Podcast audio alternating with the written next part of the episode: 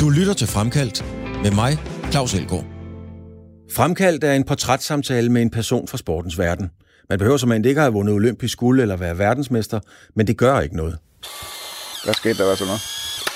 Fremkaldt går helt tæt på, faktisk helt derind, hvor det kan gøre ondt at tale om et emne. Har man først sagt ja til at være med i Fremkaldt, så har man også sagt ja til at give mere af sig selv og dele det med Radio 4's lyttere, end man ellers kender personen for. Øh, det er selvfølgelig frygt, helt uvirkeligt frygteligt øh, at få at vide. Når du har hørt Fremkaldt, så er du blevet klogere på et menneske, som du enten holder med, eller måske slet ikke bryder dig om.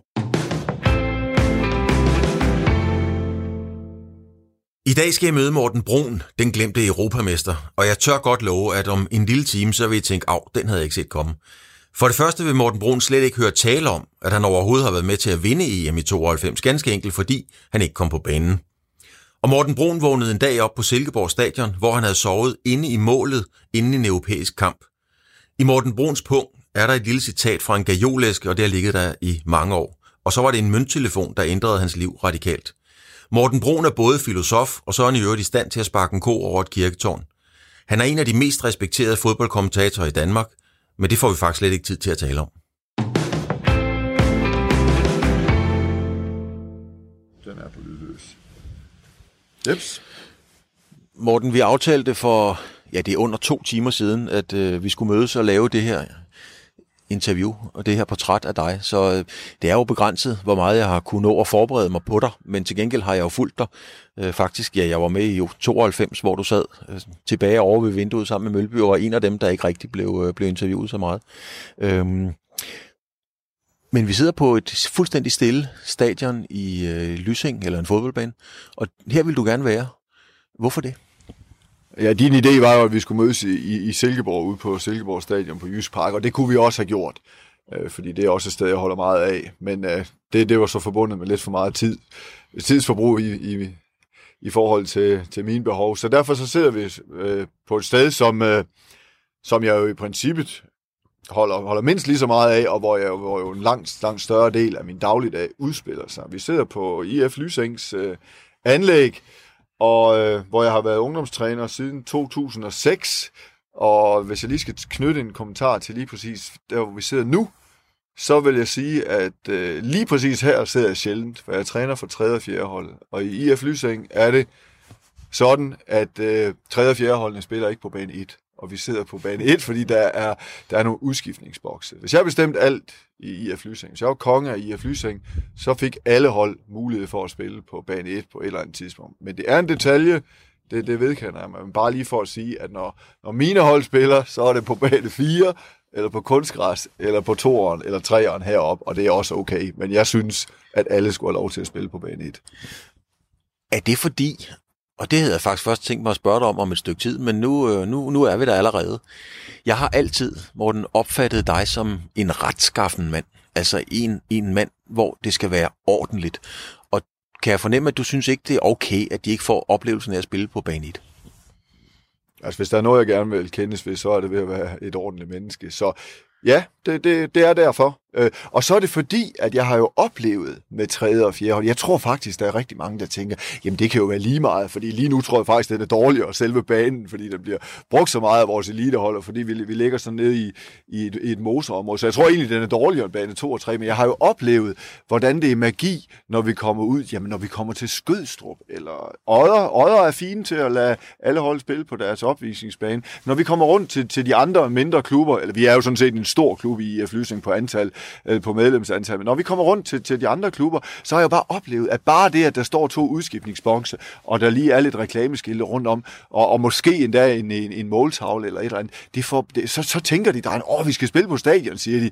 Og jeg tænker, det er overhovedet ikke stadion, sådan i, i, sådan en, i min opfattelse af, af et stadion. Så, så det er fordi, jeg har oplevet den der magi, at jeg tænker, det synes jeg også, at det tredje og fjerde hold skulle have lov til at opleve. Specielt i sommerperioden, hvor der jo, hvor der jo ikke er det samme slid på banen. Men igen, det er en detalje, nu kunne jeg bare ikke lige lade være.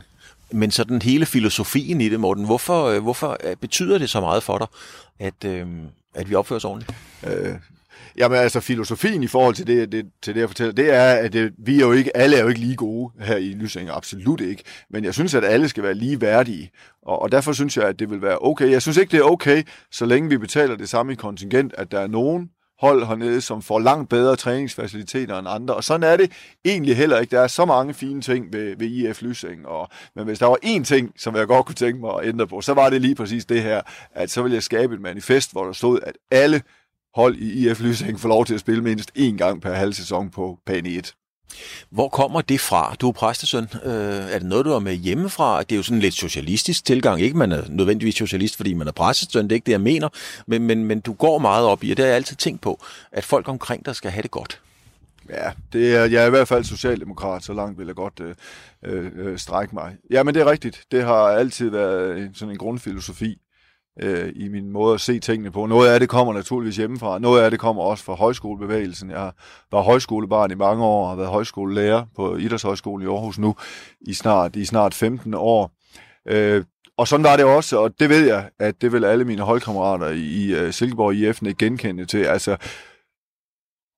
da jeg blev, jeg blev ikke konge af Silkeborg, men da jeg blev en af dem, der fik lov til at bestemme en hel del i Silkeborg IF, i, i spillertruppen, der sagde vi i hvert fald definitivt farvel til det her med, at det var de unge, der skulle slæbe, og der var faste pladser i omklædningsrummet og sådan noget pis og, og det her med, at, øh, at øh, dem, der ikke kom på banen, de skulle ikke, have, de skulle ikke have fuld bonus i vores europæiske kampe. Altså, det var jeg en stor, stor fortaler for.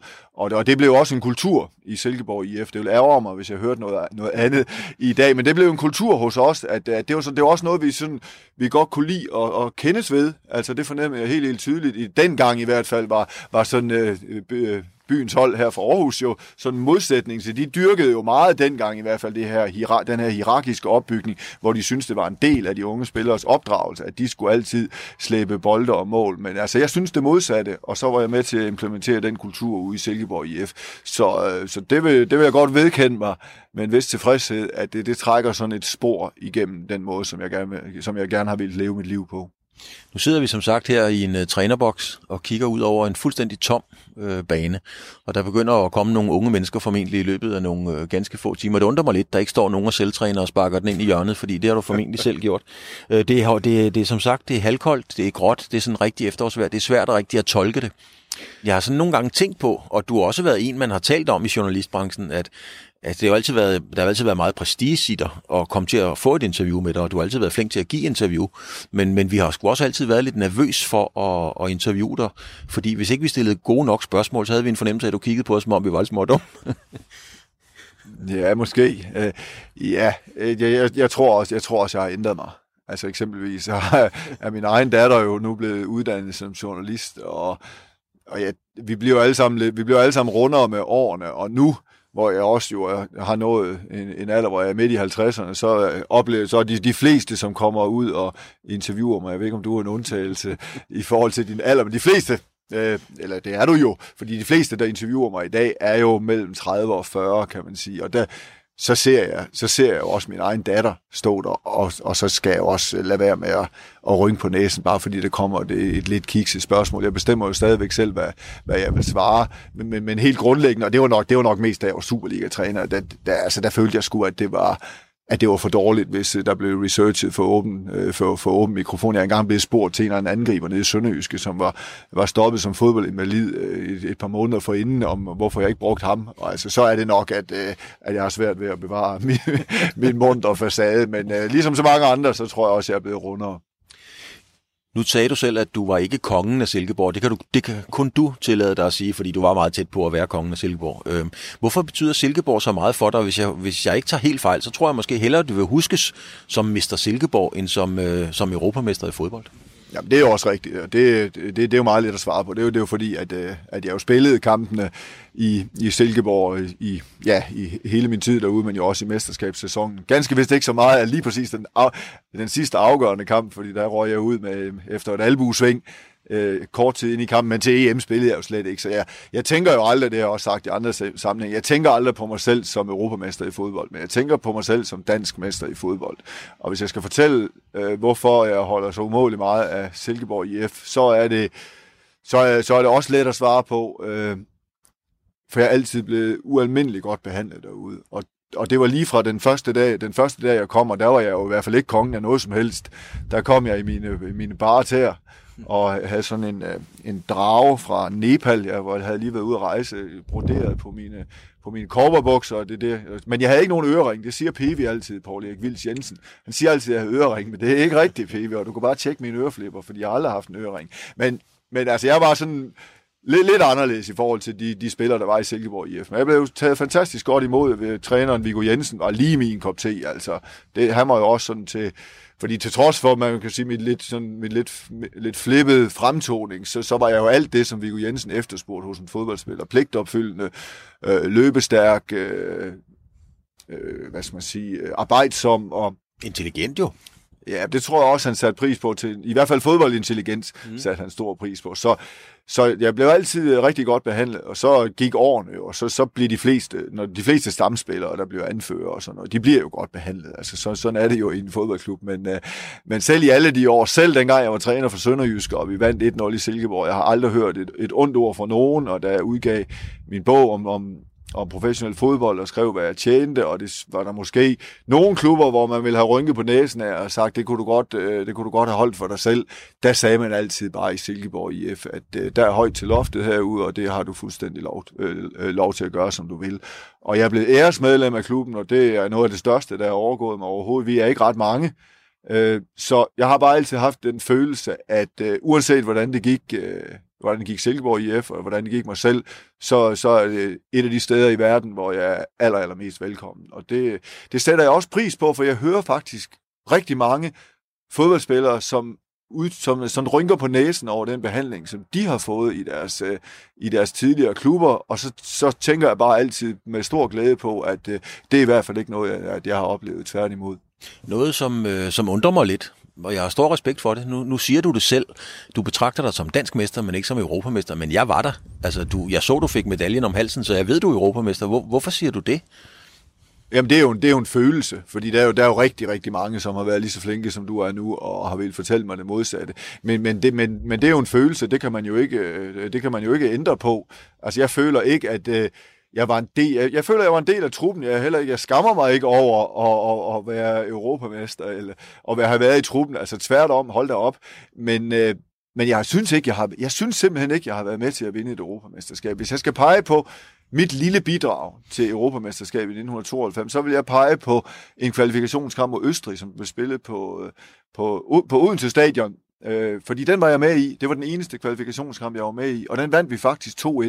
Og hvis nu at vi ikke havde vundet den kamp, så kunne det godt være, at det var gået sådan, at Østrig var blevet nummer to i vores indledende pulje, og at det dermed ville have været Østrig, og ikke Danmark, der var kommet med efter, efter Jugoslaviens øh, afbud. Så, så det er derfor, hvis jeg skal knytte en, sådan en, en bredere fortælling til EM-titlen, så havde jeg det faktisk svært øh, med at, at møde op, eller jeg ja, undlod at møde op i de første par år, til vi, vi spillede sådan en årlig opvisningskamp for høje tilskuertal øh, i årene efter EM-triumfen, og jeg prioriterede det aldrig. Nu lå den også ofte i vores fodboldferie, så jeg var ofte, øh, jeg var ofte bortrejst. Men jeg havde også den der med, at øh, ej, altså det, EM-titlen, det var Peter Schmeichels og Kim Vilfors og Flemming, Flemming Poulsens og Brian Laudrup. Det var, så, og det, det, det, det vedkender mig gerne i dag, at det, det var nok lidt fjollet. Fordi det, der først lige at overvande mig selv og komme med til de der kampe og komme med til de der arrangementer, så havde jeg aldrig nogensinde en følelse af, at, øh, at jeg var ham, der bare sad på bænken. Og i dag er den jo helt, helt forsvundet, fordi der, der er jo nogle af os, vi laver jo, mange af os laver jo det samme, jeg har jo en del mere med, med folk fra EM-truppen at gøre i dag, end jeg havde tidligere. Blandt andet arbejder jeg jo sammen med Flemming Poulsen mm. og, og Brian Laudrup på, på Discovery, og har jo fået et, et, et helt andet jævnbyrd i forhold til dem. De vil nok sige, at det har altid været jævnbyrd. Men jeg havde bare en følelse af, da jeg, var, da jeg kom fra Lille Silkeborg og var i EM-truppen, så havde jeg bare ikke ret meget til fælles med, med de der gutter, der spillede i, uh, i Bayern München og Borussia Dortmund og Manchester United, hvor de ellers spillede. Og det kan lige så, lige så meget have været min fejl som deres. Men, men er det fordi, at du sådan er opdraget med, at du ikke vil pynte dig med lånte fjer, som det er jo det, egentlig det, du siger. Det er jo ikke spor lånte, for du, du vandt. Uanset hvad, Morten, så vandt du altså den medalje. Men er det sådan noget, der ligger i det? Altså, du vil ikke have noget foræret, eller hvad ligger der i det? Øh, jeg synes, man skal spille den rolle, som, som passer sig. Og, og jeg, vil ikke, jeg vil ikke have syntes, du kan, du kan ikke finde noget billede af mig på, på balkongen på, på Rådhuspladsen, hvor jeg står med EM-trofæet og løfter det ud mod de her 100.000 mennesker, som stod dernede. Fordi det synes jeg, det var alle de andre, der skulle gøre det. Altså, det, jeg, manglede, jeg manglede det indhop. Havde jeg, var jeg kommet ind i to minutter, så havde jeg stået der, det garanterer jeg dig for. Men der var bare ligesom et eller andet ved mig, der sagde, at øh, Claus Christiansen, han er europamester. Han kommer ind i semifinalen og finalen. Men, øh, men vi var alligevel fire, og jeg ved ikke, hvordan de andre har det med det. Men jeg, jeg kunne ikke få mig selv til at, at tage, øh, tage, tage rampelyset lige, lige præcis den dag. Og det var ikke de andres det var ikke de andres fejl overhovedet, det var bare, det var bare sådan, som jeg havde det. Og det, jeg har egentlig aldrig sådan tænkt over, at, øh, at, at der var noget problematisk i det, og det synes jeg stadigvæk ikke den dag i dag. Men jeg havde det måske jeg havde det måske lidt høj, for høj grad dengang. Det var i hvert fald ikke noget, jeg føler ikke, at jeg kan ikke huske noget tidspunkt, hvor, altså det har aldrig været sådan, at der, der har været en eller anden af de andre spillere, Ken Nielsen, der er kommet hen og skubbet mig tilbage og sagt, Morten, du skal ikke stå i forreste række. Sådan var det, sådan var det bestemt, øh, var det bestemt ikke, men det var bare en følelse, som jeg havde. Men hvor kommer det fra, Morten? Fordi at, øh, det er jo en meget, meget stor, og synes jeg, klædelig ydmyghed, men man når jo heller ikke det i fodbold, som du har nået ved at være ydmyg hele vejen igennem, fordi du har jo altså også taklet igennem og flyttet den, der stod i vejen. Det, det har du jo også gjort. Jamen, det har jeg også gjort, men det gjorde jeg ikke i, i lidt mindre grad på, på landshold. Jeg vil også være ærlig at sige, øh, jeg, jeg, jeg tænker ikke på min tidligere holdkammerat Dan Thomsen, som, øh, som dansk mester. Han var i vores trup i hele, hele 1993-94 sæsonen, men han fik ikke et eneste minut, og var vel faktisk aldrig med i truppen. Men spillede det med. Jo, han var med i den brede trup, han var kontraktspiller, øh, men jeg tænker altså heller ikke på ham øh, nogensinde som dansk mester i fodbold. Jeg håber, at han selv gør, men jeg gør ikke. Hvordan har du det så med de øh, profiler i dag? Og det kan være alt fra, øh, fra øh, influencers til øh, YouTubere til fodboldspillere, håndboldspillere, som ligesom fører sig frem på måske ikke at kunne så meget. Ja, hvis man fører sig frem på ikke at kunne så meget, så er det selvfølgelig problematisk, men man, man får jo heller ikke en plads som influencer, hvis ikke man kan noget som helst. Øh. Og jeg bliver jo selv kaldt influencer på, på fodboldfronten med, med mine små 30.000 øh, følgere på Twitter. Der kan du bare se, at jeg er også forfængelig. Jeg ved ikke, hvor mange følgere jeg har. Så øh, generelt har jeg det langt, langt bedre med unge mennesker, end, end, end mange tror. Og, og det skyldes blandt andet min dagligdag her i Lysing. Øh, det, det, det må jeg sige. Altså, jeg, jeg elsker sgu unge mennesker for det, de er i dag. Det, det er heller ikke altid så nemt at være 2019 ungt menneske. Der er nogle muligheder, det er rigtigt nok, og hvis der er nogen, der, der udnytter dem, så, så tænker jeg bare, det, det er meget godt gået. Altså, vi kunne nogle ting, øh, vores generation, men, men, men der er også nogle, nogle ting, hvor måske blandt andet den her ydmyghed, hvor vi hvor vi øh, måske trådte lidt forkert, eller hvor vi var, hvor, hvor vi var præget af, vor, af vores tid. Altså, det, jeg oplever de unge i dag som nogen, der stiller større krav, end vi gjorde. Altså, jeg, jeg, jeg tænkte aldrig over, om jeg burde spille, om jeg skulle blive ved med at spille fodbold, eller jeg ikke skulle det, fordi jeg, jeg, jeg gjorde det jo bare. Altså, jeg, jeg har nok også holdt af det, eller det har jeg da helt, helt sikkert. Det var da en stor del af min barndom og min ungdom. Men i dag, der, der oplever jeg jo som ungdomstræner selv på, for 3. og 4. hold, at, at hvis, hvis det foregår på en, på en måde, som der ikke passer. Der, jeg kan godt tænke tilbage på i hvert fald en enkelt af mine ungdomstrænere, hvor jeg tænker sådan, okay, det var, der var nogle ting, der ikke var i orden, men det var der aldrig noget, der fik mig til at overveje, om jeg skulle spille eller ej. Og der oplever jeg, at der er mere kontant afregning i dag. Altså, så, så stopper de bare, hvis, hvis, det ikke, hvis det ikke det passer dem. Og det er, jo ikke, det er jo ikke udelukkende negativt, synes jeg ikke. Du skal lige holde mikrofonen stille og roligt, Morten, fordi jeg skal tage et billede af dig. Ja, det får du lov til. Det hedder jo fremkaldt. Og øh, det gammelt øh, polaroidkamera her fra, fra 100 år tilbage. Og nu går der så lige en, øh, en rumtid, inden... Øh, oh, der kom slet ikke noget ud. Men øh, nu går der så lige en rumtid, inden at, øh, at det kommer frem. Som sagt, vi sidder her på, øh, på, øh, på stadion og kigger ud. For rigtig mange år siden, altså rigtig mange år siden, der sad jeg sammen med en, det var faktisk øh, Victor Fischers far, Henrik Fischer. Vi sad på stadion i Søvind. Øh, vi kom fra nogle hjem, hvor det, det var ikke så skide sjovt at komme hjem, kan man sige. Så vi sad på den her bænk ude foran et, et stenklubhus og bildte hinanden ind, at vi kunne høre, vi sagde det altid, vi skal ned og høre græsset gro. Og så fandt vi sådan lidt ro i sjælen, og så sad vi i timevis og kiggede ud på græsplænen, uden at sige noget. Og vi var drenge på 12 år. Vi skulle bare, vi skulle bare høre græsset gro. Hvad er det, du finder herude? Fordi du kunne jo finde alt muligt rundt omkring i tilværelsen. Ja, det jeg finder herude er en, øh, et velfungerende foreningsliv.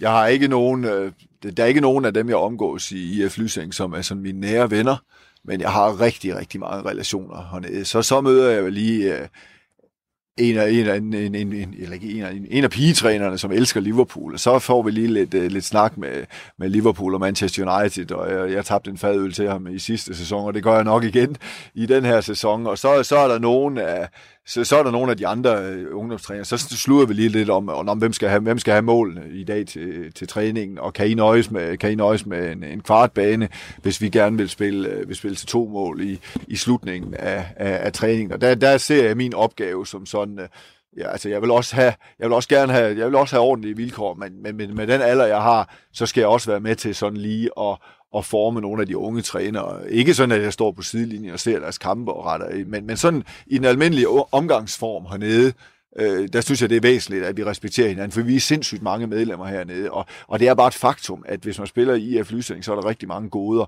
men et af dem, det er ikke at have meget plads at træne på, så, så derfor skal vi, jo, øh, skal vi jo finde ud af det, så, så jeg, jeg, altså, hver eneste gang, jeg kommer herned, så, så, glæder, så glæder jeg mig til det, og jeg ved, jeg kommer til at møde en 10-15 mennesker, som jeg, som jeg har den relation, som jeg nu har til nede på, nede, hernede. Så er der de andre trænere på U16, som jeg har en tættere relation til, fordi der er, der er en masse praktiske ting omkring, omkring holdet, omkring drengene, og hvem vi nu synes, der, der lige skal der lige har, har fortjent at komme med ud med, med hold 3 i stedet for hold 4, hvis vedkommende har et ønske om det og den slags ting. Og i, i, en, bredere, i en bredere forstand, øh, der kan jeg godt lide at komme herned, fordi øh, at jeg godt kan lide det lokale område, jeg bor i. Øh, jeg har boet her i 25 år, vi er i den sydlige del af Aarhus, øh, IF, IF Lysing, og der er rigtig mange ting i lokalområdet, som jeg ikke bidrager til. Øh, men, men hernede kan jeg bidrage med noget, for jeg er god til at træne ungdoms, øh, ungdomsspillere i fodbold, og, og derfor så, så er det mit bidrag til lokalsamfundet, og, og så kan man også sige, sådan, det er også en, der også ligger også den der tanke om en tilbagebetaling til fodbolden, fordi jeg ved jo godt i dag, det vidste jeg jo ikke dengang, men i dag ved jeg jo godt, at de ikke fik en krone for det, alle de mm. trænere, der havde mig i, som ungdomstræner. Jeg har jo aldrig undret mig over, at Hans Terkelsen, han kørte øh, Jylland tynd med mig, for at jeg kunne komme med til nogle udtalelsestævner, fordi, øh, fordi jeg var god nok til det, selvom jeg spillede i en lille bitte klub, der hed Uldum, men det gjorde han jo bare af sit hjertes godhed. Altså, øh, og det, det vidste jeg jo ikke noget om dengang, men det kan jeg jo godt gennemskue i dag.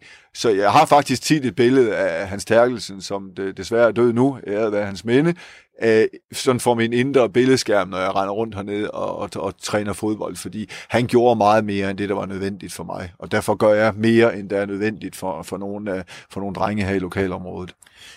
En af for du har jo altid været en fighter på banen. Nogen vil sige, at øh, du måske fik mere ud af dit talent, og det er jo kun en gave, end det måske sådan fodboldmæssigt var berettiget til, fordi du var fodboldintelligent, du var en fighter, du var firmaets mand, altså du gjorde alt det, som du selv siger, Viggo gerne ville have, du skulle gøre, Viggo Jensen. Ikke?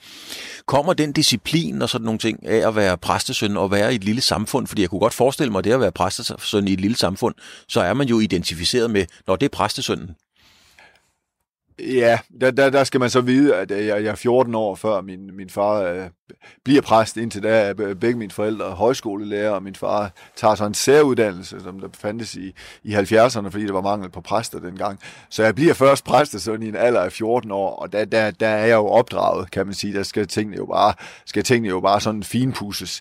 Så noget af det ligger i opdrag, så noget af det kommer vel også indefra. Altså vi, vi indeholder vel også nogle, nogle personligheder, som, som ikke kan ændre sådan helt, helt grundlæggende, men, men det, det, det har altid ligget i min personlighed, at, øh, at, at, at tingene skulle være i orden. Og jeg vil sige, at næsten alle mine trænere har til enhver tid oplevet, at hvis jeg blev bedt om at løbe fra A til B, øh, så gjorde jeg det. Der kan måske have været en enkelt, der synes, jeg kunne have gjort det med lidt større entusiasme, men, men helt, helt grundlæggende, så skulle der rigtig, rigtig gode argumenter på bordet, øh, sådan i forhold til mig selv, før at jeg vil sige, at, øh, at jeg ikke ydede mit bedste. Jeg, jeg, vil, jeg synes også, at jeg ydede mit bedste under de trænere, som jeg ikke brød mig så meget om. Der er jo ikke så meget filosofi i at løbe rundt om øh, orange kejler. Hvis man løber og tænker for meget over, hvorfor man gør det, så tror jeg måske, man kan blive sindssygt ret hurtigt. Men til gengæld, uden for banen har du filosoferet en del. Du faldt en gang, du gled en gang i en gajolpakke. Der stod noget på den. Fortæl, hvad det var, og hvad det kom til at betyde for dig. Åh, oh, den skal du lige genopfriske for mig. Ja, det er noget med nogle råd, man ikke tager imod fra andre. Nå ja, ja det er rigtigt. Ja, jeg har den faktisk stadigvæk i min punkt. Ja, det tænker jeg nok. det var også for dårligt, at jeg ikke kunne huske det. Det var godt, ja. Ja, mange skylder deres fremgang i livet, det råd, de ikke tog imod fra andre. Og jamen, det er, det, det synes jeg er et godt citat, fordi i den sidste ende, i den sidste ende, der skal du jo, der skal du jo øh, tage dine egne beslutninger. Man må jo gerne søge råd hos, øh, hos, hos andre mennesker. Jeg vil jo også gerne råde folk, men jeg siger jo også til dem, at, øh, at i den sidste ende må I, må I jo tage jeres egne beslutninger. Det, det siger også, øh, det siger også øh, til, til, til mine børn, og det siger han da til min kone inden for rimelighedens grænser. Men, øh, men, men, men det, det er jo så, der, der, der er også, når, når, når, når fodboldspillere siger, jeg ikke havde noget valg, så, så bliver jeg ej, for jeg siger, gud havde du så, men du valgte pengene, eller du valgte et eller andet, men du havde et valg, for du kunne bare være blevet. Øh, det kan godt være, at det var svært at, at, at, at, sige, øh, at sige farvel til den her millionkontrakt, men lad være med at sige, at du ikke havde noget valg. Sig, at du valgte pengene, fordi det vil alle, det vil alle kunne forstå. Øh, altså, så, så sig, sig det. Lad være med at få det til at lyde, som om det var sådan et eller andet med elementernes rasen, som jeg ikke var herre over. Vi er ikke herre over, at det er gråvejr i dag, Claus Elgaard, men vi er da herre over, om vi siger ja eller nej til de tilbud, vi får, uanset hvor guldregnede de er. Så sig, at det, det ville have været svært for mig at sige nej, men jeg valgte så også at sige ja. Er det sådan, øh, synes du det er svært, og er det svært at få, få fodboldspillere, folk i samfundet til at tage ansvar Mm, altså for deres holdning, og, og altså man kan godt tage ansvar på banen, og man kan godt skyde straffesparket, men jeg mener, tage ansvar i det, du siger, for, for det, man tænker og tror og gør. Åh, det her, nu, nu er jeg jo ikke politiker, jeg er faktisk blevet spurgt nogle gange, om jeg ikke har lyst til at stille op for et eller andet givet parti, øh, sådan på lokal politisk, men, men jeg, jeg er ikke politiker, jeg, det, jeg, jeg er simpelthen ikke den rette til at svare på det spørgsmål. Jeg har ikke sådan, jeg har sådan ikke, ikke et svar, der, der kommer, til at, kommer til at være gældende for, for hele Danmark på det område. Altså dem, jeg selv omgås, øh, synes jeg, øh, synes jeg gør, gør det udmærket på, på det område, du taler om her. Du lytter til Fremkaldt med mig, Claus Elgaard. Vi skal lige, lige kigge lidt på et øh, billede, det får du så lov til at se på, øh, på denne her. Øh, hvad er det for en mand, vi har... Øh, prøv at beskrive dig selv, Morten. Hvad er det for en mand, vi har siddende her? Jamen, det er jo...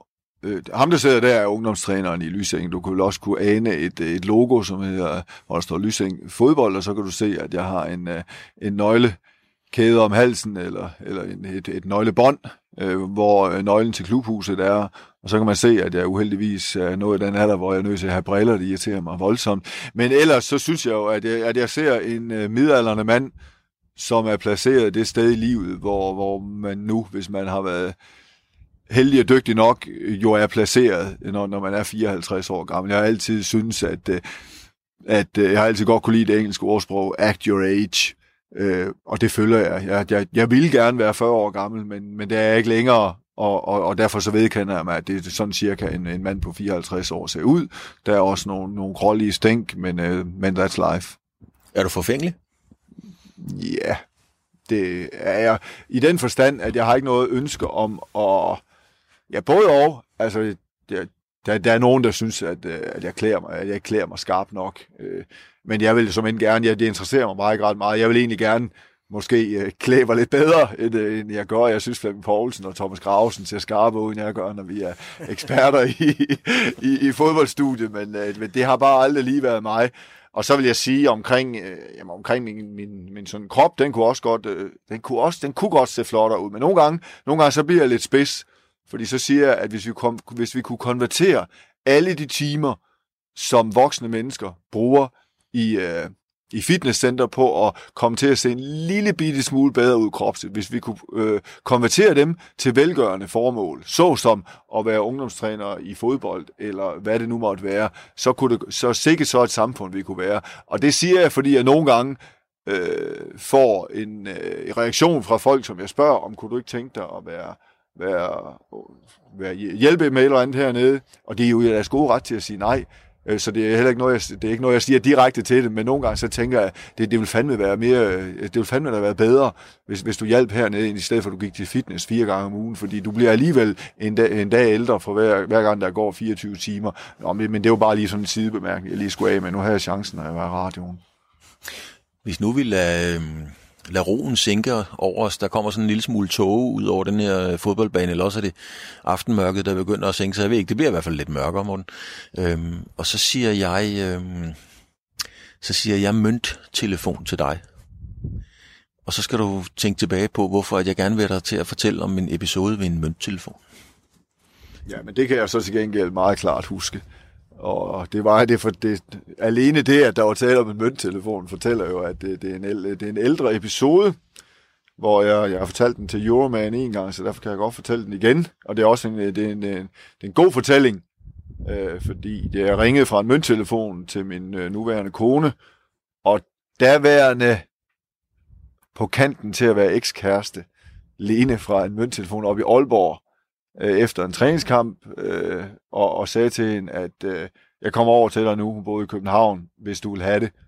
Og den, den korte version, og den har jeg jo allerede fortalt eftersom, øh, at, at jeg er gift med Lene den dag i dag, og vi snart har, har sølvbordet, er jo, at, øh, at, øh, at hun sagde ja, og Lene siger altid ja, og det, det er noget af det mest vidunderlige ved hende. Men hvis hun havde sagt nej den dag, så er det ikke sikkert, at jeg havde været her i livet. Måske havde været, jeg, jeg havde helt sikkert ikke været et bedre sted. Jeg kunne maksimalt have opnået noget, der var der. Ja, det havde jeg ikke engang kunnet. Men altså, jeg, jeg, er bare, jeg er rigtig, rigtig glad for mit liv, og jeg er rigtig glad med for mit øh, forhold til, til Lene, og det var, sådan, det var sådan det øjeblik, hvor man kan sige, øh, man kan ikke engang sige, at jeg stod ved en korsvej, for det var faktisk ikke min afgørelse, men, øh, men den afgørelse, som hun traf dengang, den er jeg meget taknemmelig, taknemmelig for i dag. Men hvad var det, der får dig til at ringe? Er det et råd fra en ven? Er det en instinktiv handling? Øh, øh fordi du er jo meget, øh, på en eller anden måde virker du altid meget kontrolleret, men hvad er det, der får dig til at sige, nu ringer jeg sgu? Nej, det var ikke noget råd for en ven. Jeg tror ikke, øh, lige præcis i, i kærlighed, tror jeg, det er meget svært at råde hinanden. Det var simpelthen bare en indskydelse, hvor jeg tænkte, at, øh, at, at her har du bare dummet dig helt vildt, Morten. Så nu, nu, nu gør du lige nu, nu, gør du lige, øh, det, det, nu gør du lige det, der forhåbentlig skal til, fordi du, det kan ikke nytte noget, at du går rundt og tænker, jeg burde også have ringet. Altså, fordi så, så gør jeg også ting. Altså, hvis, hvis der er noget, der, hvis det virkelig begynder, tingene står på vippen, så, så, så vil jeg i hvert fald gerne tænke på mig selv som, som en, der handler, og det gjorde jeg, men det er ren instinkt. Og når jeg bringer den på banen, så er det ligesom for at, at også at sige, at, at, at øh, måske har jeg troet, at du ville være for stolt til at tage den mønttelefon, men det har du så ikke været. Nej, ikke i den sammenhæng, øh, øh, men, det, men det var også det var, det var også mig, der skulle det var mig, der skulle ringe op i, i, i, øh, i, i, det, i det der tilfælde, og så kommer vi det ikke nærmere. men det her med stolthed, det blokerer jo mange ting for mange mennesker. Øhm, er det et godt råd? Nu tager du ikke, siger du ikke, at man skal tage så meget imod dem, men, men derfor kan man jo godt give dem. Skal man passe på med sin stolthed? Kan det blokere for meget her i tilværelsen? Ja, man skal, man skal passe meget på. Jeg siger altid til mine børn, jeg vil jo gerne opdrage dem. Og det, det, det er navnlig faktisk i forbindelse med lønforhandlinger og så. Det er enormt svært for unge mennesker at sidde derovre for en, der typisk er, er væsentligt ældre end dem, end dem selv og, og har væsentligt mere erfaring. Jeg siger altid til mine børn, lad, lad nu være med at, at stille ultimative krav hvor du så du kommer til at smække, øh, smække døren i en situation, hvor du egentlig helst ville have åbnet den. Sådan har jeg altid haft det i mine lønforhandlinger med Silkeborg IF og sådan andre lønforhandlinger. Jeg synes, det, er væs- det væsentlige er, at man spørger sig selv, om har jeg, vil jeg gerne have det her arbejde? Vil jeg gerne have den her opgave? Og hvis jeg vil, og de andre siger, nej, du kan altså kun få øh, 25.000 om øh, måneden, hvor, hvor du måske havde haft en drøm om at kunne få 27.000 om måneden, så synes jeg i hvert fald, det er super ærgerligt på grund af, på grund af stolthed og, og, og, og, og som jeg siger, at, smække en dør, som man burde have ladet stå åben. Så, så ja, misforstået stolthed kan komme til at blokere for lige lovligt meget, hvis vi ikke tænker os om. Jeg vil godt holde lidt fast i det der, øh, om ikke filosofiske, som men noget, fordi du reflekterer jo over mange ting. Når du hører noget, som du synes er fornuftigt, så, så øh, har jeg indtryk af, at så gemmer du det, ligesom øh, din gajolæske stadigvæk ligger i din punkt, eller i hvert fald citatet. Øh, da du øh, skal redde Silkeborg, øh, så spiller imod Esbjerg. Jeg mener, at I med en sejr er næsten sikre på at blive. Men Esbjerg får udlignet til allersidst. Der siger din far noget til dig bagefter, som jeg tror har gjort ret stort indtryk på dig. Det er noget med en mor og nogle, øh, og nogle tvillingesødre. Ja, det er rigtigt det er rigtigt. Min, min far, som øh, jo nu er, er pastor emeritus, som det hedder, når man er pensioneret fra sit præsteembede, var, øh, var den, dengang stadigvæk sovnepræst i, i Lloyd Kirkeby, og var undtagelsesvis på stadion. Der er ikke så langt til Esbjerg fra, fra Lloyd Kirkeby, men så, så de var på stadion, ham og min mor, og vi spiller jo så 1-1, og de er Esbjerg udligner øh, få minutter før tid, så i fodboldmæssig sammenhæng, så var, det, så var det i hvert fald ikke så godt for Silkeborg. Øh, og jeg har spurgt ham efterfølgende, og han siger, at det, det, det var ikke noget, han sagde sådan for at, og sådan set at påvirke situationen. Det var bare sådan en fortælling fra hans hverdagsliv. Men jeg kan tydeligt huske, at han fortalte det, da vi stod efter kampen og snakkede sammen, at øh, jamen, i dag havde han været ude og tale med en, øh, en ung enke, hvis, hvis mand havde begået selvmord, og det var jo en af de tunge opgaver. Den, den slags opgaver har man jo som præst, men, men jo heldigvis ikke hver eneste dag, at det er så tungt. Og så dels gjorde det stort indtryk på mig selv, og så tænkte jeg, at den vil jeg dele med spillerne dagen efter. Også for at tage, tage noget af trykket fra dem, i forhold til, at øh, vi har jo også øh, i fodbold en tendens til at tro, og selvfølgelig skal det betyde meget i elite, øh, øh, når man er en eliteklub, fordi det har stor betydning for en klub, øh, om den rykker ned eller den bliver hængende, men det er ikke, fodbold er ikke, handler ikke om liv og død, og det, det, gjorde, det gjorde det jo så, det som min, min far foretog sig den dag. Øh, så jeg fortalte spillerne om det dagen efter, hvor, hvor der var den her nedtrykte stemning over, over 1-1 med, med og sådan, også for at løsne, løsne tingene lidt op, men også for at få dem til at tænke lidt over, øh, hvor, hvor vi selv var i livet. Så fortalte jeg dem den her historie, og jeg, jeg ved ikke, hvordan, øh, om nogen synes, det var for meget, eller om nogen synes, at det, det, var, det var nogle Øh, det, det, det skulle man ikke blande ind i fodbolden. Det, det ved jeg faktisk ikke, men jeg havde bare trang til at fortælle dem det. Øh, og jamen, altså, den, den, den lykkelige del af fortællingen er jo, at vi vinder 1-0 over Vejle i den kamp, der så bliver afgørende, fordi vi jo ikke vandt ned i, i Esbjerg. Det, altså, vi, havde ikke, vi har ikke været reddet definitivt, det skal jeg øh, skynde mig at sige med Esbjerg, øh, hvis vi havde vundet i Esbjerg, men det havde da hjulpet på det. Og jeg følte bare trang til at dele, øh, til, til at dele den her historie med, med, med mine spillere. Og jeg havde selv en fornemmelse af, at øh, der blev i hvert fald ikke sagt noget de næste par minutter, og det, det var da min fornemmelse, at, øh, at de tænkte lidt over tingene. Lidt mere, end man måske normalvis ville gøre. Den må have gjort indtryk på dig, når du deler den med spillerne? Ja, men det gjorde den jo helt, helt bestemt også, og det var også, man kan sige, den, den, den kyniske del af det var jo, at jeg, at jeg troede, det kunne gavne os i, i den her nedrykningskamp, at, at det måske kunne presse, kunne fjerne en lille smule af presset øh, fra os, men så var det også bare fordi, at det for at også øh, nogle gange komme... Øh, kom den her fodboldboble lidt til livs i forhold til, at, at vi løb rundt og tænkte, at det at, altså sådan bogstaveligt forstand, at det er jordens undergang, hvis at vi har spillet 1-1 i Esbjerg, og vi, og vi rykker ned, men det er det jo ikke, øh, og det er det jo i hvert fald ikke sammenlignet med den her, den her unge mor, for, for hende må det have været jordens undergang, at hendes mand begik selvmord, og hun nu skulle leve videre uden ham. Så det var simpelthen også for, for at sætte tingene i, i perspektiv. Så jeg tænkte over, om jeg skulle fortælle den eller ej, og jeg kom til den konklusion, at øh, jeg ville ærge mig, hvis jeg ikke fortalte dem det. Jeg synes, de på mange, på mange plan, synes jeg, at de, de, havde, at de havde fortjent at høre den historie. Nu sagde du selv før vendingen, fodbold er ikke et spørgsmål om liv og død, og nu må du korrekse mig, fordi er der nogen her i verden, det er livsfarligt at snakke engelsk fodbold med, så er det dig. Var det ikke Bill Shankly, Liverpools manager, der sagde, liv, fodbold er ikke et spørgsmål om liv og død, det er meget mere alvorligt?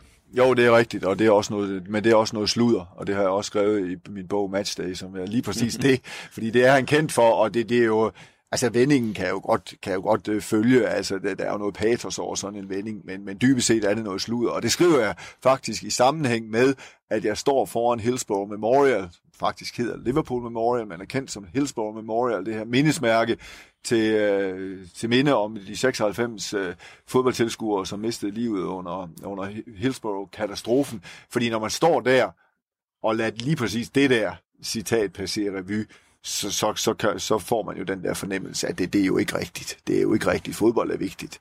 Men, øh, men det, jeg kan bedre lide det der citat, øh, som en eller anden har, øh, øh, øh, har sagt det her med, at alle de uvæsentlige ting i livet, der er fodbold det mest væsentlige. Det kan jeg bedre lide. det er også mere, ja, det er lidt, på en eller anden måde lidt mere forløsende. Øh, tilbage til, når, når jeg har haft en fornøjelse af at interviewe dig helt tilbage fra 92 og i årene frem og så videre. Og det er rigtigt, jeg gentager det, at øh, vi har altid snakket om det, at vi var lidt nervøse, når vi skulle, når vi skulle interviewe Morten Brun. Altså ligesom, øh, at du havde den der lidt distance til øh, sådan lidt, ikke mistro, men tæt på bunder det helt tilbage til, fra da du engang købte Folkevognsrådet i Australien, og fortæl os lige den historie. Nej, det har, det har ikke gjort noget grundlæggende ved mig. øh, ja, ja, ja, men det er også en... Øh, nej, det er jo ikke nogen god historie. I, i korte træk, så øh, var jeg med min daværende kæreste på, øh, på en rejse i Australien, og vi møder et dansk par, Sørme, som er væsentligt ældre end os, og de har et folkevognsrugbrød, og de, skal lige, øh, de står for at skulle, øh, skulle hjem, så de skal have af med det her folkevognsrugbrød, og vi er lige kommet, og vi står for at skal erhverve os en bil, og den her folkevognsrugbrød, det her folkevognsrobrød, det er jo bare, det var bare lige nøjagtigt det, vi, vi havde brug for. Og vi, vi køber det så øh, af dem for 28.000 kroner, øh, et eller andet antal øh, australske dollars. Jo, det kan jeg også huske, 6.500 øh, australske dollars, øh, fordi de fortæller os, at det er det, de har givet for, for bilen et par måneder forinden. Og da vi så skal sælge den, så vil skæbnen, at det, det skal vi faktisk i den by, hvor de har købt den. Og så er det jo oplagt at køre hen til forhandleren og sige, om han så ikke vil købe den tilbage, måske for 6.000 dollars eller 5.500. Og hans reaktion er, at den der, den har aldrig nogensinde, den har aldrig nogensinde øh, indkasseret 6.500 dollars for. Så viser han os papirerne, og jeg husker det til 3, 3 eller 3.500 dollars, men, øh, og, og det var bare sådan en... Øh, Ja, det, det, var helt vildt. det var helt vildt, at de, kunne, at de kunne snyde os. Altså, jeg, jeg forestiller mig, jeg, faktisk så skal min kone og jeg til Australien om en, om en måneds tid. Øh, vi skal nu ikke købe en bil derovre, men, men hvis vi sad der og havde mødt nogle unge danske mennesker på, vi var omkring 20 dengang, og vi havde investeret i, et, øh, i en bil, skulle vi så sidde og lyve over for dem, og skulle vi så snyde dem for 10.000 kroner? Altså, der var mange andre øh, sammenhænge, hvor vi rejste jo også i Østen dengang, og min, min rejsemarker blev faktisk snydt med nogle indkøb af nogle juveler, det skulle man aldrig have gjort, den tosse, men i New Delhi, og hvis man køber juveler i New Delhi, så er man altså, så, så, så er man altså ikke har man bedt lidt om det? Altså har man, men, men jeg synes jo ikke, at vi havde bedt om det på det tidspunkt. Jeg, jeg, jeg, jeg stolede bare fuldt og fast på de her mennesker. Jeg har ikke engang lyst til at, til at fortælle, hvad de hed, og, men, men et eller andet sted, så var det bare for sølle. Altså, jeg, i, dag, i dag har jeg ondt af dem, det, det må jeg sige, og den, den gang var jeg simpelthen øh, rasende over det. Men jeg, jeg håber ikke, at det har været med til at forme, til at forme øh, den, den måde, jeg tænker på, for det har, det, har, det, har, det har de bestemt ikke fortjent i den mere øh, mundre ende af genren, fordi det, øh, det fortæller nemlig også meget om dig som person, så synes jeg selv, det er helt vildt morsomt, at du engang vågnede op i et mål på Silkeborg Stadion. altså, det kan jeg bare slet ikke se for mig. Altså, Morten Brun vågner op i en sovepose på Silkeborg Stadion. Det er der altså også nødt til at forklare. ja, men det er også, det er også en god historie. Altså, jeg tror også, at uh, alle i Silkeborg holder meget af den historie. Altså, man er nødt til at have sammenhæng med, for ellers så giver det nemlig ikke ret meget mening. Jeg har altid, øh, jeg har altid, næsten altid forberedt mig optimalt til de fodboldkampe, jeg skulle spille. Men den her dag, der har vi aftenen for inden, eller eftermiddagen for inden, vundet med 2-0 på Odense Stadion over B909 i den anden af to playoff-kampe om retten til at være i Superligaen. Intet mindre. Uh, vi taber 4-3 i den første kamp på Silkeborg Stadion og vinder så 2-0 på et mål kort før tid af Ole Skov til 2-0. Vi er så også med i det, der, øh, en, det som hed Intertoto-koppen, som var sådan en, en øh, mellem-europæisk øh, fodboldturnering, der, der fandtes engang øh, mest for, at der skulle være kampe på tipskupongen sommeren igennem, men, men der var sådan en vis prestige forbundet med Intertoto-koppen. Den har vi øh, kvalificeret os til et halvt år forinden, og, og har for, for længst haft den her kampprogram sat mod svenske Hammerby. Mærkværdigvis øh, kl. 12.00 om, øh, om søndagen, og på det tidspunkt, der tror vi jo ikke, at vi skal i playoff-kamp. Det er kun et, det er kun det hold, der bliver nummer 9 i Superligaen på det tidspunkt, der skal med i de her playoff-kampe. Nummer 10 rykker direkte ned, og de andre 8, de skal jo ikke involveres i det her. Men skæbnen vil så, at det skal vi. Og den eneste mulighed for at nå at afvikle kampene, det er så onsdag og lørdag. Og i den situation, der må man også bare sige, at der gav Viggo Jensen også los. Altså, det at overleve i Superligaen var så meget mere vitalt, end om vi kom godt fra start i Toto-koppen. Så jeg kan jo lige så tydeligt huske, at vi var fuldstændig overstadig i omklædningsrummet. Jeg har aldrig oplevet større glæde i fodbold, eller lettelse, glæde. Altså, det var helt vildt, og det, jeg bliver ofte spurgt, om var det ikke bedre at blive dansk mester eller europamester? Og vi svarer er bare, at det var det ikke, fordi det var, det var jo i den sidste ende et spørgsmål om at græde, grædebøje et succesbegreb. Det havde også været flot, at Danmark at blive nummer to ved EM, og det havde været flot, at Silkeborg blev nummer to. Men det havde ikke været flot at rykke ud af Superligaen. Det har haft kæmpe store konsekvenser for klubben. Så glæden var simpelthen enorm. Altså, en af mine holdkammerater, en af mine bedste venner i fodbold, Frank Andersen, og rendte jo splitter nøgen rundt med sådan en stor sombrero på hovedet. Det var sådan mit billede af, altså, det var bare overstadig glæde. Vi var så lykkelige. Og Viggo han sagde bare, at vi ses kl. vi ses kl. 11 i morgen på stadion. Og så røg vi ellers afsted. Vi, vi var sgu med bussen hjem til Silkeborg. Der var no restrictions. Øh, så, så vi, røg, vi drønede jo bare afsted. Og på det tidspunkt, der boede jeg i Aarhus. Og jeg var i hvert fald ikke i stand til, til noget som helst der, der klokken 4 og 5 om morgenen, da jeg fandt ud af at nu. Jeg havde forberedt mig på, på scenariet, det, det, så jeg havde taget min, øh, jeg havde taget min sovepose med. Øh, jeg var lidt husvild øh, lige præcis på det tidspunkt der. Og så tænkte jeg, okay, hvad gør jeg nu? Når jeg lægger mig til at sove her, så er det svært lige at forestille mig. Og, og så igen, så tænker man, hvorfor stiller jeg, stiller jeg ikke bare øh, alarmen på min mobil? Vi havde ikke nogen mobiler dengang. Så det var faktisk en situation, hvor man kan sige, at øh, altså, jeg har altså ikke lige mit vækkeur med.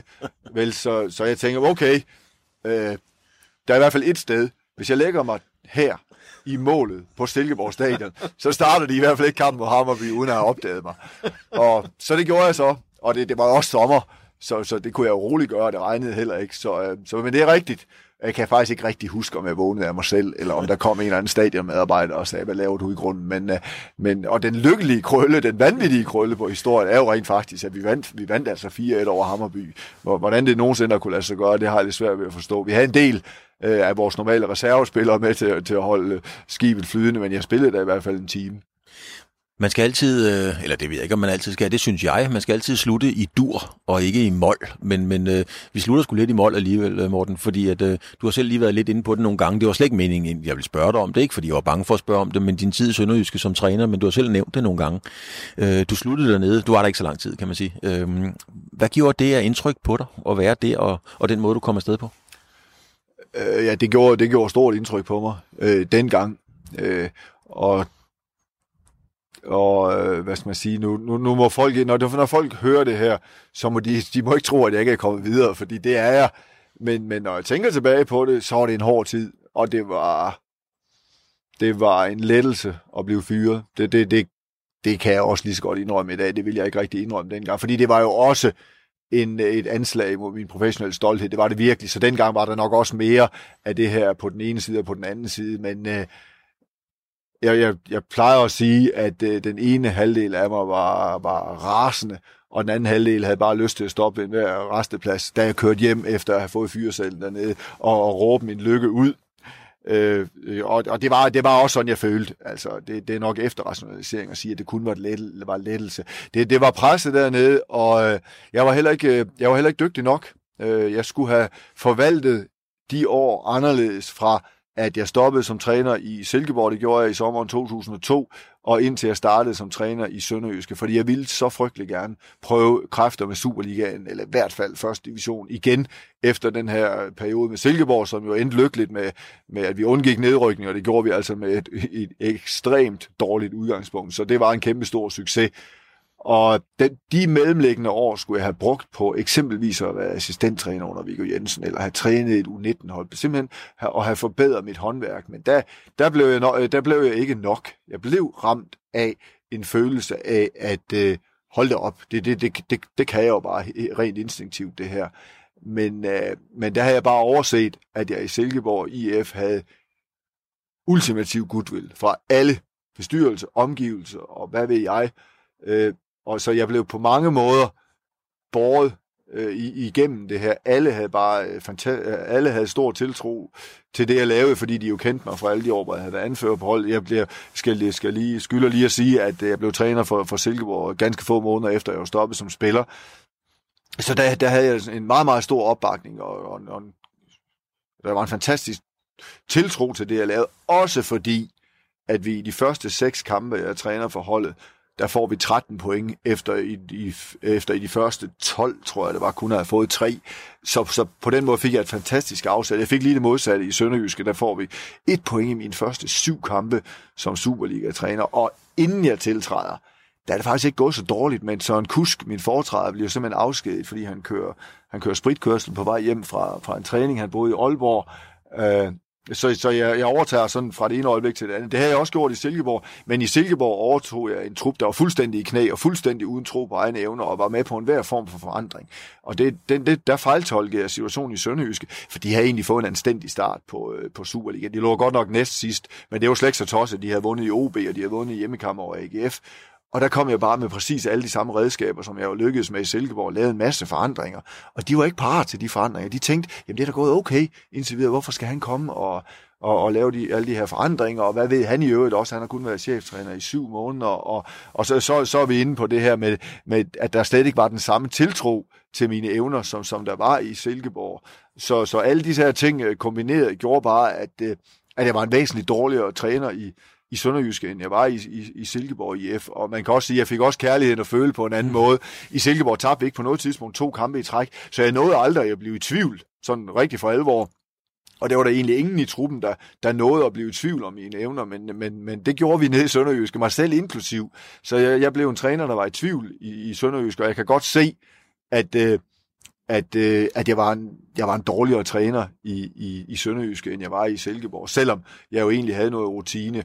Og, og så, så var der nogle ting omkring selve afskedelsen, men det er jeg kommet fuldstændig overens med, fordi jeg, jeg, jeg, kan, jeg kan jo godt, øh, jeg ved jo i dag, at, og det burde jeg måske også have vidst dengang, der er jo bare ikke nogen god måde at fortælle dårlige nyheder på. Alle, der bliver afskediget, har en eller anden bitterhed omkring det, og, og forsøger måske lige at finde en eller anden fli, hvor man siger, jamen det, var, det var heller ikke i orden at gøre det dengang, øh, lige præcis på den måde. Men altså, de havde nok ikke noget, de følte jo i hvert fald ikke, at de havde noget valg nede i Sønderjyskes bestyrelse. Det var, da du sad der, der var det jo, øh, der var virkelig pres på at være toptræner i Danmark i dag. Nu sidder vi i det ultimative ro og stadigvæk kigger ud over en fuldstændig tom bane. Det er lettet en lille bitte smule, det er ikke så mørkt som før. Øhm, til allersidst, Morten Brun, hvis nu de ringer til dig fra første division, Superligaen, og siger, er du klar igen? Nu, nu gør vi det. Hvad siger du så? Så siger jeg tak for tilbuddet, men nej tak. Og jeg, jeg, og jeg ledsager det af bemærkningen, at det, jeg kan slet ikke længere udfylde det job. Altså, jeg, jeg er kommet ned i tempo, og jeg har ikke slet ikke det samme drive længere. Så, så jeg, vil, jeg, vil, jeg vil være smiret, men jeg vil alt, ikke et sekund være i tvivl om mit svar.